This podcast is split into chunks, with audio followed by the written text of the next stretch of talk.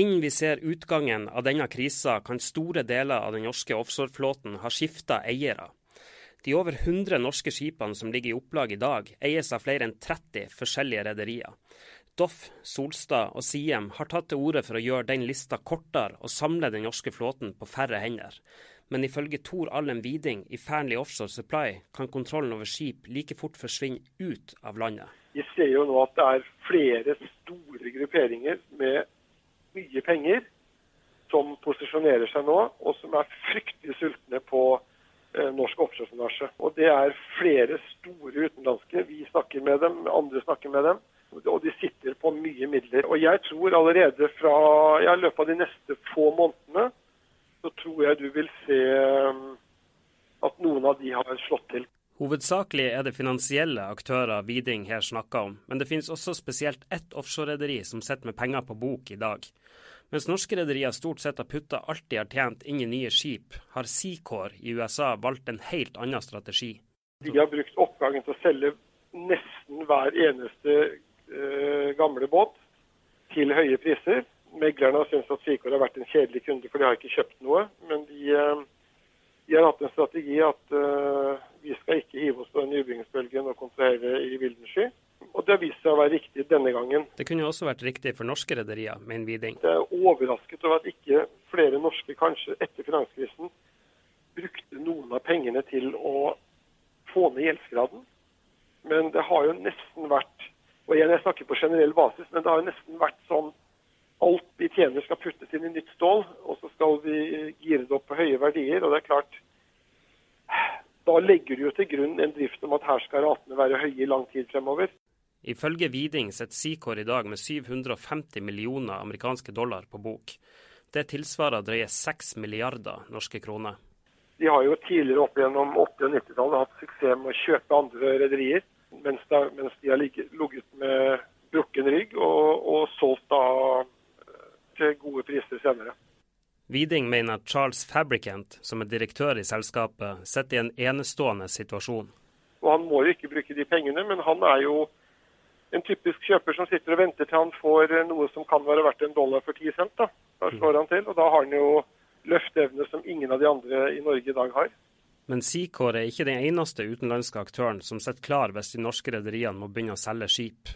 Det har en rekke PE-fond, både asiatiske og amerikanske, som har betydelig med kapital. Eller det er andre store industrikonsern som har eh, allokert eh, flere hundre millioner dollar til oppkjøp de sitter med pengene, så de må ikke ned til banken i morgen og spørre. Eh, de kan faktisk handle i morgen tidlig hvis de vil. Men jeg tror noen av de føler ikke at tiden er der riktig ennå. Og det er jo en generell oppfatning i markedet at priser og verdier kanskje skal ned. Hvis rederiene tvinges til å selge skip for å holde seg flytende, vil prisene falle. Norske rederier vil få svekka sin posisjon overfor de som har lånt de penger, og de som ønsker å kjøpe verdiene deres. Lars Peder Solstad i Solstad Offshore har flere ganger tatt til orde for at de over 50 norske offshorerederiene bør slå seg sammen til større enheter for å stå sterkere. Det samme har Doff-sjef Mons Aase sagt. Men det er ikke alle som synes at det er en god idé. Jan Fredrik Meling i Bømlo-rederiet Eidesvik mener at sammenslåinger ikke gir noen løsning på det grunnleggende problemet, nemlig at det finnes for mange båter. Det vil ikke endre tilbud etterspørselssiden overhodet. Uh, industrien er så fragmentert at uh, du, du, du, vil ikke klare å skape noe markedsmakt. Det har du heller ikke lov til, egentlig. Altså at du går så langt at du kontrollerer en del av et marked. Så du, du vil se at det vil være en viss uh, kostnadseffektivitet i det, ved at en del administrative kostnader i landorganisasjoner kanskje vil bli, bli barbert noe. Men det er jo ikke det som endrer på det grunnleggende. Så, så, jeg tror det kommer til å skje, men, men jeg har vanskeligheter for å se en liksom sånn markedsmessig strategisk forklaring på hvorfor det er fornuftig. Meling ser derimot flere potensielle ulemper ved å slå sammen rederier til større enheter. For noen så vil det være en stor ulempe å ikke føle at du kan jobbe i et selskap hvor det liksom er litt eh, rom for entreprenørskap og, og, og handling. Eh, det er en tendens til større selskaper blir, dess mer byråkrati blir det, og det blir liksom sånn systemstyrt. Altså Det har noe med mennesker å gjøre. altså Noen mennesker trives godt i svære systemer, og andre, sånn, sånn som hos oss, så er det, tror vi i hvert fall, tillater oss å tro at her er det liksom litt mer rom.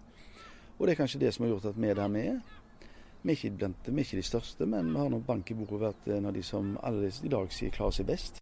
Noen mil lenger sør for Bømlo, hos Østensjø rederi i Haugesund, tror Johan Rokstad at i hvert fall supply-segmentet av den norske offshoreflåten burde ha vært samla. Konkurransen er stor. Det er ikke slik at eh, det er et rederi fra Nord-Europa som må til for å kunne operere dette. Vi har konkurranse fra India, fra altså hele verden. Stille ligger borti Aberdeen, ligger der båter fra alt med all. Og får samme jobbene. Så det er ikke noe sånn high-tech-krav. Eh, de båtene som hadde når vi begynte i 76, 75-76, de hadde klart å gjort jobben i dag òg. Som har egentlig drevet tek teknologien eh, vel langt. Sjøl om Rokstad ser fordeler ved å samle skipene på færre hender, tror han veien dit kan bli lang og kronglete. Når du ser på hvor fragmentert det er oppe med kysten, så er det jaggu ikke lett. Og så, det er mange sterke personligheter her som har hatt, fått gjort som de villet nå i mange år. Så kan du sette seg ned med samme bord og bli enige. Nei, nå skal du bestemme med mine båter. Har du glemt det? Så det er enkle ting som er i sving når du skal til å gjøre noe med dine egne verdier. Men det, det, det burde jo absolutt vært mulig, og det burde vært gjort. Mm. Heller ikke Viding i Fearnley tror at eventuelle sammenslåinger vil bli noe smertefri prosess.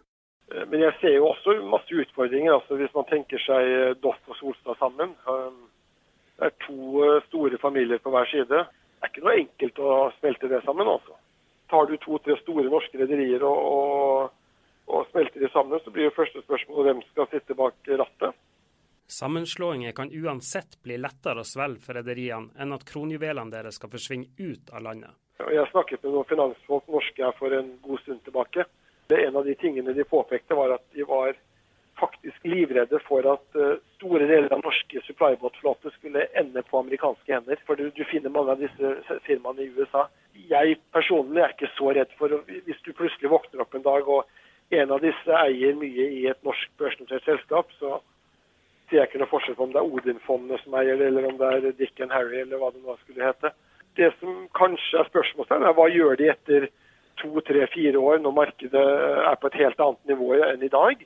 Altså, jeg tror Hvis du tar en av disse aktørene og de hadde kjøpt opp i en av de børsnoterte selskapene, så tror jeg de ville drevet videre ut fra det stedet hvor de sitter, om det er Fosnavåg eller Ulsteinvik. eller De vil la det leve videre, men de vil jo selvfølgelig ha uh, saying med driften. De vil ha en uh, de vil jo ha folk i styrene. De vil jo helt klart si at hvorfor skal vi bygge den der svære enkelalderen der til 800 millioner når ikke vi har jobb til de ti andre båtene. Så du vil se noen helt eh, andre grep når det gjelder å holde tak på det rattet. Det som er synd, er jo hvis man plutselig begynner å dele dette opp om tre år og, og eh, selge det til høystbydende og, og sånt, og så plutselig kommer Tidewater på banen eller en stor internasjonal aktør som, som slakter dette her. Det er klart, det er jo ikke bra for hvis man ser med norske øyne.